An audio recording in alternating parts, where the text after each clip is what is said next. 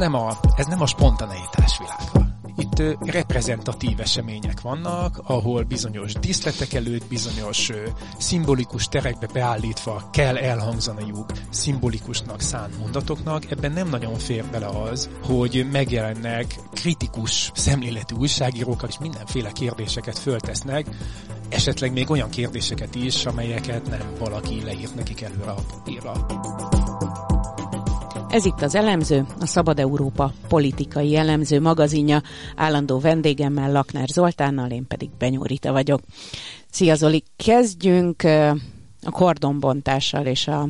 most már diák tüntetéssel is feldúsult kordonbontással. Ugye ez a Momentum akciójaként kezdődött még hónapokkal ezelőtt, és két héttel ezelőtt pedig becsatlakozott a diák és tanártüntetés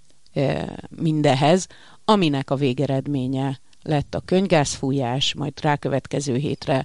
diákok előállítása, újabb könyvgázfújás, és vita arról, hogy egyáltalán a kordon jogosan van-e ott, avagy sem, illetve hogy a rendőrök fellépése az arányos, avagy sem. Az egészből végül ki jól? Engem ez érdekel ki az, aki hasznot húz abból, hogy nevezzük akár balhénak, akár tüntetésnek. Az, hogy a diákok fölmentek a várba, és azt hiszem nem csatlakoztak a kordonbontáshoz, mert akkor éppen nem terveztek egy újabb kordonbontást, azóta már volt megint kordonbontás a momentumos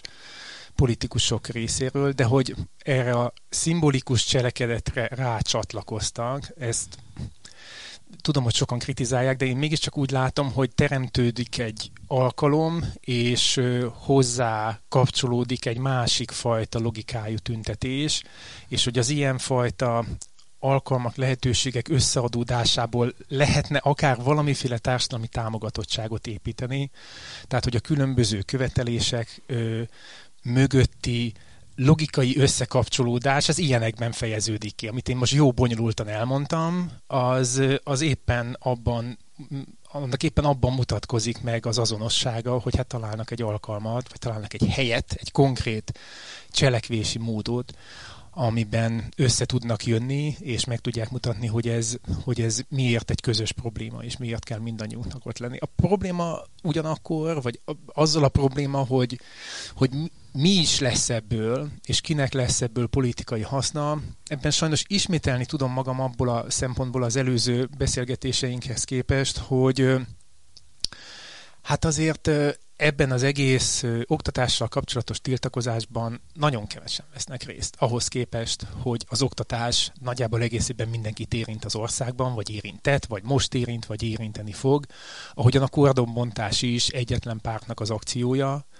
és én természetesen elfogadom azt, hogy más pártok más stratégiával, illetve más taktikai elemekkel operálnak,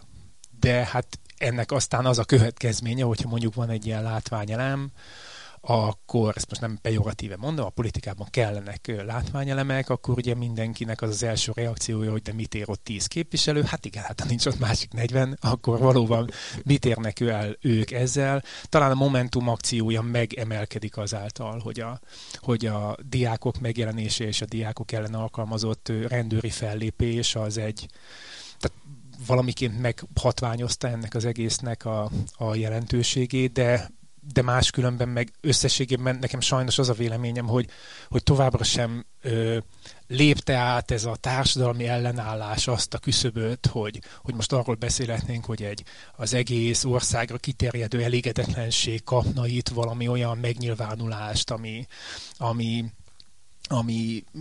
a, politikai változás felé lendíteni ezeket az eseményeket. És hát ennyiből, ha az a kérdésed, próbálok azért, mert én nem politikus vagyok, én egy elemző vagyok, próbálok válaszolni a kérdésedre, hogy kinek van ebből politikai haszna. Hát mindaddig, amíg nincs olyasfajta politikai ellenállás, amely mondjuk egy ügyben vagy egy jelképes eseményben képes kifejeződni, addig még mindig a kormány van előnyben, mert még mindig számíthat arra egyrészt, hogy megunják és hazamennek, elfogy az erejük, és hazamennek, illetve számíthat arra is, hogy azok, akik tiltakoznak, akik ilyen módon tiltakoznak, azok ilyen extrém kisebbségnek fognak tűnni, és a kormány tulajdonképpen nem is kell mondani a semmit, mert az ellenzéki közvélemény maga elintézi ezt a dolgot, hogy hát mit ugrálnak itt, amikor mást kéne csinálni, és a más az 17 másik fajta dolgot jelent, és akkor ez csak egy 18. dolog lesz, és nem valamilyen egységes fellépésnek a kezdete. Annyit kiegészítésként, hogy ha konkrétan pártok nem is csatlakoznak a Momentumhoz, azért volt olyan tüntetés, amin megjelent Komjáti Imre, Jánbor András, még Karácsony Gergely is, ugye az ő fia az aktív Igen, részese a tüntetéseknek. Ugyanakkor ugye van egy pikantériája az egésznek, mert mégiscsak a Fidesz a 2010-es kétharmadát részben egy kordonbontással alapozta meg. Tehát amikor igazi erőt mutatott föl a Fidesz, és politikai hasznot is hajtott belőle, az egy kordonbontás volt a parlament körül. Ö, sokáig azzal dobták vissza, hogy hát ez egy egészen más típusú kordon, ami ott áll, mert ez egy építési területet véd, és különben is az egész helyzet más. Ugyanakkor ugye most ö, az kiderült, hogy nem építési terület az, amiért megkérték rá az engedélyt. Építési cég nem kért kordonra engedélyt. Aki engedélyt kért, az a készenléti rendőrség, védett személyek veszélyeztetése vagy biztonsága érdekében. Pontosan ugyanez volt a 2007-es kordon indoklása. Hát lehet-e, pár, lehet-e párhuzamot hozni, e, és ha ha lehet párhuzamot hozni, akkor ez a fejekben is, a választók fejében is párhuzamosan jelenik-e meg, e,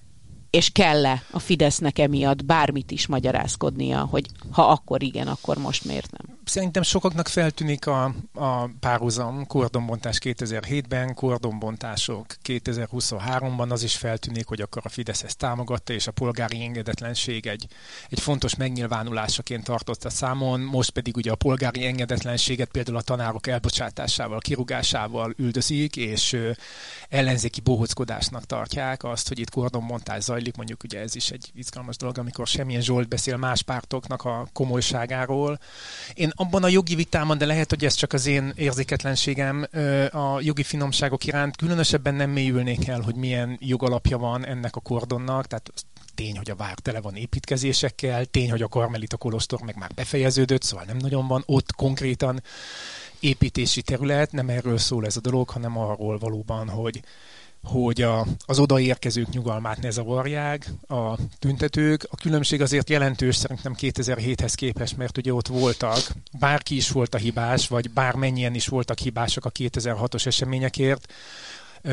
a 2006-os belvárosi eseményeket követően az, hogy kiraktak egy kordont, én nem értettem vele egyet akkor sem, most sem értek egyet, de abban az értelemben volt alapja, hogy voltak zavargások a városban, aminek az lett az egyik következménye, hogy úgy döntött a politikai és a rendőri vezetés, hogy kordonokat helyeznek el. Hát én nem emlékszem arra, hogy a várban bármi olyan esemény történt volna az elmúlt években, mint 2006-ban a budapesti belvárosban, ennyiből a kordon, hát hogy is mondjam. Hát, hogy csak azt, hogy a Telex újságírója rendszeresen megjelenik. Ez talán nem ugyanaz valóban, az... szóval ez egy, ez egy afféle prevenció, és nyilván ugye hát hogy mondjam, azt a, azt a problémát is fölveti, hogy akkor minek van számva ez a várnegye, tehát hogy ez a, nem tudom én, a magyar államnak egy ilyen erőközpontja, ami egyúttal egy ilyen látványosság is, de hát igen, az a helyzet, hogy oda járnak tüntetni az emberek, ahol a hatalom tartózkodik, és akkor pedig most vagy elviseli ezt a hatalom, hogy ott vannak tüntetések, vagy körülkordonozzák, ami viszont a látványosság funkciót eleve zavarja, mert egyébként rendkívül ronda az a kordon, tehát most vagy egy, vagy egy szépészeti beavatkozást végeznek a váron, és oda telepítik az államvezetését, akkor ott fognak tüntetni az emberek, vagy pedig hát akkor ki kell szorítani onnan az állampolgárokat, de akkor mutogatni sem nagyon lehet. Kicsit nagy gondolati ugrás, de aztán majd kiderül, hogy mégsem. Ugye a szípeknek a konferenciája ha úgy vesszük, akkor szintén körbe volt kordonozva. Hát nem is akkor ugrás ez, igen. Ha már itt van sokat szorra. Ha már annyira büszke... Hiszen például újságírót is kiküldtek. Igen, igen, igen, igen, igen. Egy interjú kellős közepén a Guardian tudósítóját. De ha már itt van Budapesten, és láthatólag nagyon büszke erre a Fidesz és a Holdudvara, hogy ez itt van Budapesten. akkor miért kell ezt szellemileg is, fizikailag is körbekortonozni? Nehezen tudok erre másféle választ adni, mint hogy az autoritár rendszereknek az a sajátossága, hogy el szigeteli a vezetést, ugye miközben állandóan a népi felhatalmazásra hivatkoznak, arra, hogy ők konzultálnak, hogy mögöttük áll az ország lakosságának a nagy része, hogy kétharmados többséggel rendelkeznek, hogy egyedül, nem hogy egyedül ők érzik azt, hogy mit akar az ország, de ők maguk, ugye a nemzet, a, a, a nép és a különböző fogalmak, mivel ezt le lehet írni, de hát a közben valójában a hatalom struktúrája nagyon erősen hierarchizált, és kifejezetten a munkamódszernek a része, hogy, hogy elfedjék azt, hogy milyen belső döntéshozatali folyamatok zajlanak, hogy fizikailag is lehatárolják azt a teret, amiben beléphet például egy újságíró. Hát megelőzendő erről, azt hiszem, hogy talán te vagy az egyik, aki a legtöbbet tud az országban, hogy hogyan ö, szűkült az a terület, ahol az országházban kérdezni lehetett lehetett a képviselőket, a minisztereket, tehát minden egyes kellemetlen élmény után le, le tehát uh-huh. valóban fizikailag redukálták azt a teret, ahova konkrétan be lehet lépni. Ez nem a, ez nem a spontaneitás világa.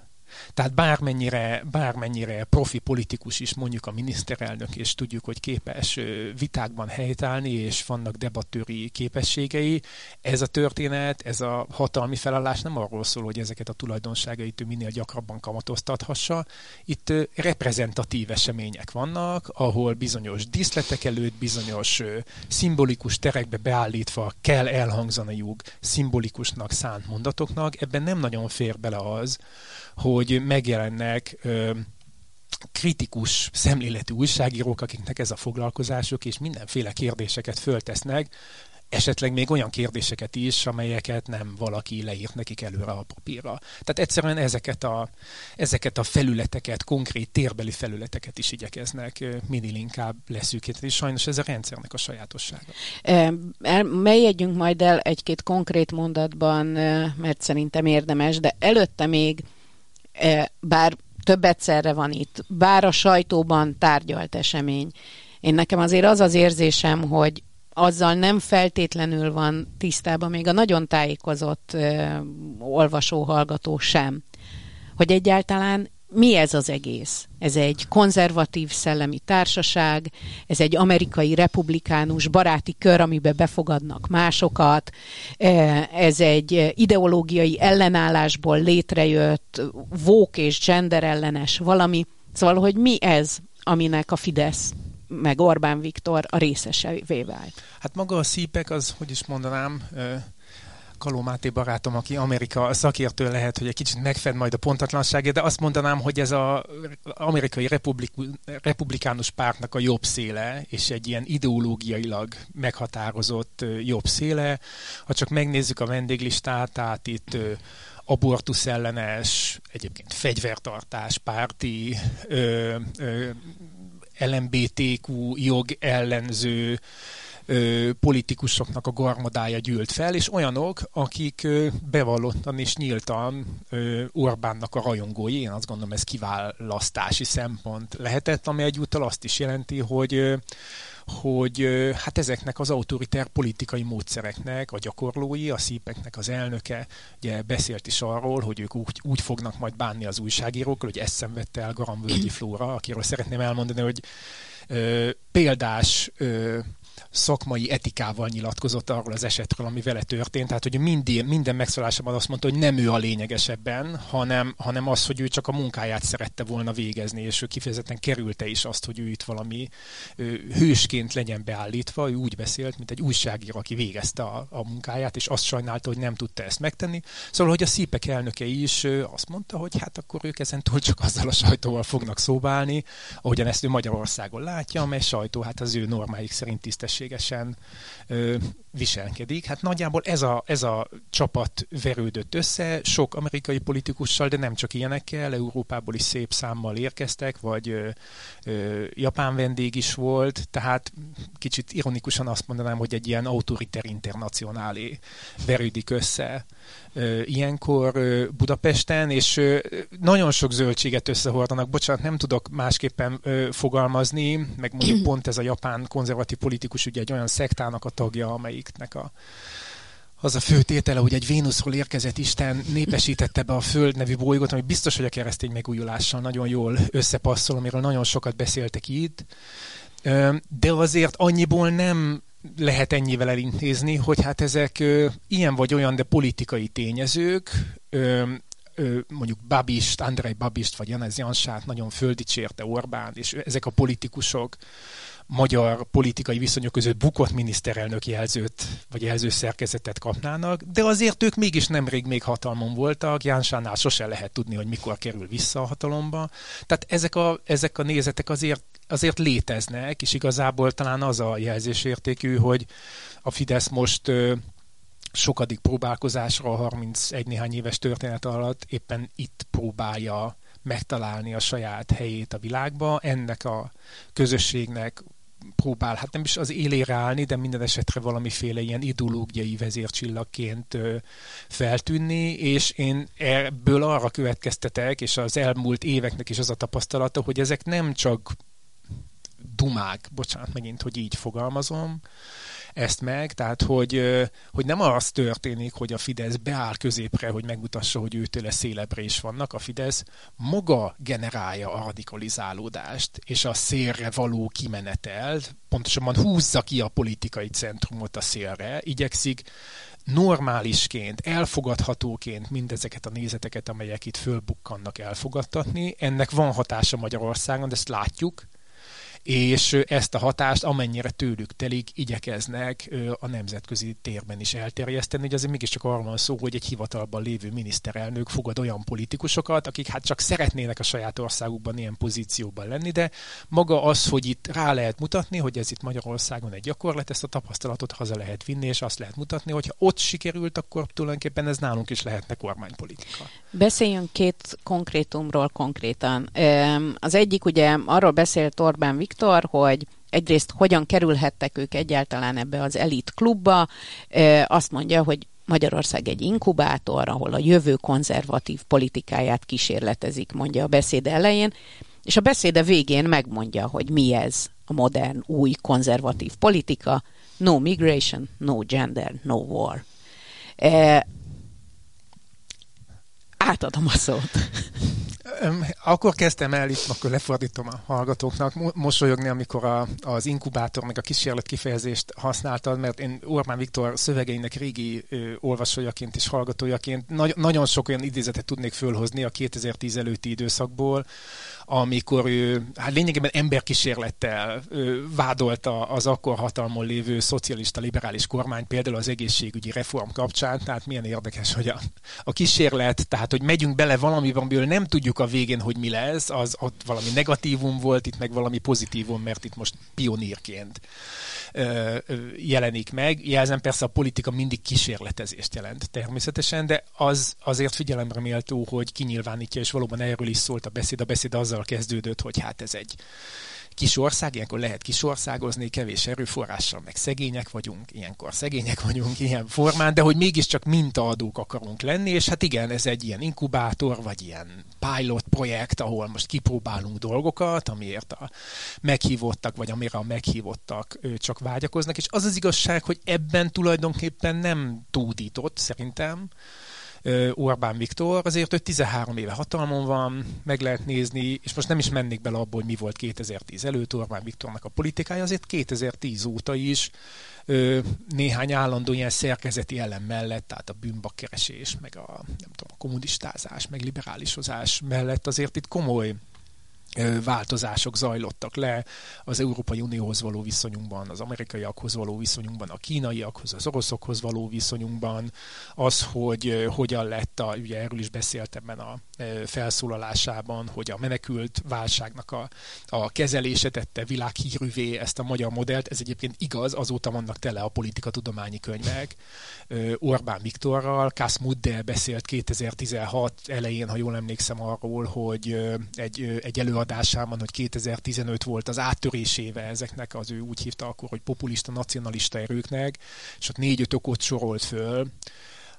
közöttük Orbán Viktort, ahogyan a, a menekült válsághoz hozzáállt. Ez azért volt érdekes, mert 2014-ben volt egy EP választás, ott nem történt áttörés, és azt mondta Mudde akkor, hogy 2015 volt ehhez képest egy ilyen áttörésszerű esemény. Szóval, hogy e tekintetben Orbán valóban mintaadó, mintaadó abban, hogy ezeket a módszereket alkalmazza, kimondja, csinálja, és mintaadó abban, hogy ezzel hatalmon lehet maradni, és mintaadó abban is, hogy tartósan hatalmon lehet mindebben maradni. Most ez egy másik kérdés,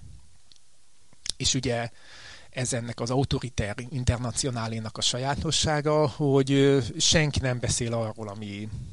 nem oda tartozó téma. Szóval, hogy hogy hova is lettek lengyel barátaink ebben az ügyben, hogy vajon olyan nagyon egyetértenek-e az ide látogató amerikai republikánusok Magyarországnak a nem csak orosz barát, de Kína barát politikájával. Ugye ezekről a dolgokról nem volt szó, vagy például arról sem volt szó, hogy az az arizonai kormányzó jelölt, akit aki most szenátor jelöltnek készül, majd egyébként a következő választásra, jól tudom, Trump támogatottja, ő például az egyik leghangosabb fegyvertartáspárti politikus, és őt annak ellenére hívták be például az állami televízióban nyilatkozni, hogy a szípeket megelőző napokban volt a borzalmas belgrádi iskolai lövöldözés, majd a szípek napjaiban volt ugye a következő szerbiai szörnyű fegyveres támadás, szóval, hogy, a, hogy is mondjam, a jó ízlés az diktálná, hogy ilyenkor legalább ezek az emberek ne szólaljanak uh-huh. meg, vagy mondják már el róluk, hogy, hogy hát egyébként ezt is képviselik, egyébként ez a hölgy oltás ellenes is, szóval, hogy, hogy tehát ha bárkit érdekelne a politikai koherencia, akkor neki nem nagyon szabadna itt lenni, de mivel Orbán Viktor támogatója, ebből adódóan neki itt mégiscsak, mégiscsak helye van, ezzel senki nem foglalkozik. Én ezzel nem azt állítom, hogy a Fidesz holnap fegyvertartás párti lesz, meg abortusz ellenes lesz, meg pláne nem tudom, vírus szkeptikus lesz, de úgy tűnik, hogy egy-két olyan közös ilyen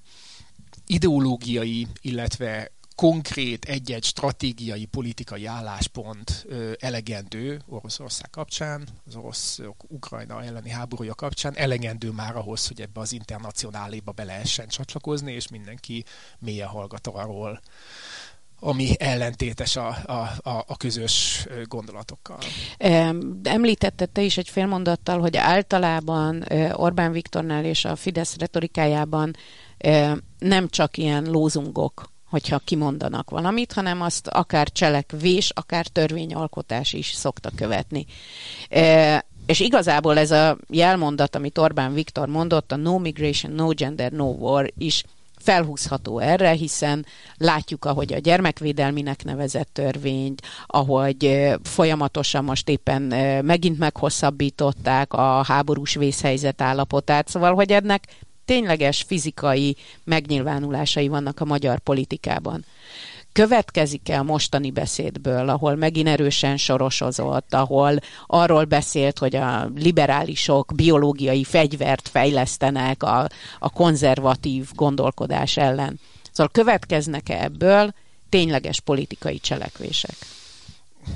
Szerintem következnek. Mondok, mondok egy példát, ki, ö, úgy tűnik majd, hogy elrugaszkodástalan a konkrét témától, de nem. Öm, Szlovákiában most éppen egy új kormány alakul, Csaputóva elnök asszony konzultál a pártok vezetőivel, ugye egy, egy magyar nemzetiségű ember fogja vezetni ezt a kormányt. Ennek a leghevesebb ellenzője, hogy előrehozott választás, amúgy is előrehozott választás van, de még az előrehozott választás előrehozása helyett is egy ügyvezető kormány alakuljon. Ennek a leghevesebb ellenzője Robert Fico. Robert Fico, aki ugye amikor először, meg másodszor hatalomra került, akkor egy nagyon heves magyar ellenes politikát vitt, pont ugyanolyan, vagy talán még rosszabb ö, ö, nyelvtörvény volt akkor Szlovákiában, mint ami miatt most össze van veszve a magyar kormány, Ukrajnával, És itt az évek alatt kitalálódott, hogy a magyar kormány elkezd jobban lenni Robert Ficóval. Mert Ficó az, aki ma azt mondja, hogy megszüntetné Szlovákia fegyverszállítását Ukrajna számára, és Ficó az, aki az Orbáni módszerekben nyilvánvalóan magára ismert, és Ficó az, aki mielőtt lemondott volna a miniszterelnökségről 2018-ban, ö, sorosozni kezdett az akkori köztársasági elnökkel szemben, sorosozik a mostani köztársasági elnökkel szemben, és sorosozik a hivatalba lépni készülő magyar nemzetiségű ö, miniszterelnökkel szemben is. És én azt látom, hogy a magyar kormány ezt nem hallja meg. Se azt nem észleli, és nem kommentálja, legalábbis egyelőre nem történt meg, hogy egy magyar nemzetiségű ember fog Szlovákiában uh-huh. ö, kormányt alakítani. Ö, mert azért mégis csak pikáns helyzet, hogy ha Udor Lajos nem is így definiálja önmagát, mint közéleti ö, személyiséget, de attól még ez egy tény. Tehát egy magyar nemzetiségű ember kormányt alakít, akit sorosozik, az egyik legnagyobb magyar ellenes ö, ö, referenciával rendelkező szlovák politikus. Erre mit mond a magyar kormány? Robert Ficóban kell bízniuk a, a szlovákiai magyaroknak. Tehát igen, konkrét lépések következnek ebből, minden mást félretesznek, hogyha éppen az aktuális ö, kormány által értelmezett érdekek egy, egy politikai személyhez vagy politikai irányzathoz ö, ö, kötik ö, a, a, a jelenlegi ö, vagy ezekkel kötnek politikai szövetséget, akkor minden egyebet félretesznek, és csak az számít, amiben most éppen egyetértenek, abban, hogy most kedveli Ficó Orbán, meg hogy ö, ö, szintén szkeptikus, enyhén szólva Ukrajna támogatását illeten, és semmi más nem számít, és akkor a magyar nemzetiségnek az érdekei sem számítanak, az sem számít, hogy magyar nemzetiségű embert ö, támad konkrétan, ez csak egyetlen példa, ami miatt én azt gondolom, hogy ezek sokkal többnek számítanak, mint, mint szövegnek, vagy mondhatok talán még egyet. Én nagyon komolyan venném azt is, hogy hogyan építi ki a Fidesz a, azt a szellemi erőteret, amit hát ő maga hoz létre. Szóval az, hogy a MOL osztalékából, ugye a MOL részvényekkel rendelkező Matthias Corvinus Collegium, tehát 10 milliárdos nagyságrendű összegeket kap, és ebből fejlesztheti azt a ö, kutatói, oktatói hálózatot, könyvkiadói hálózatot. Nekem van szerencsém ismerni valamelyest az ellen, ellenzéki ö, ilyen agytrözt világot és könyvkiadói hálózatot. Én tudom, hogyan kalapozzák össze a könyvet, a könyvekre a pénzt, ö, mondjuk baloldali irányultságú ö, művekre szakosodott kiadók, és ahhoz képest van egy egyszeri 10 milliárdos ö, osztalékbevétel az MCC-nél, és mondjuk az, hogy itt volt e, az elmúlt hetekben Tilos Sábert, aki a Boston Politics című könyvnek a szerzője, amit egy ilyen kézikönyvként használ valóban a, a fönnálló politikai rendszer, tehát hogy konkrétan elhozzák ide ezt az mm. embert, aki elmondja azt, amit, amit leír a könyvben, és fölmutatják itt, mint egy ilyen ö, ö,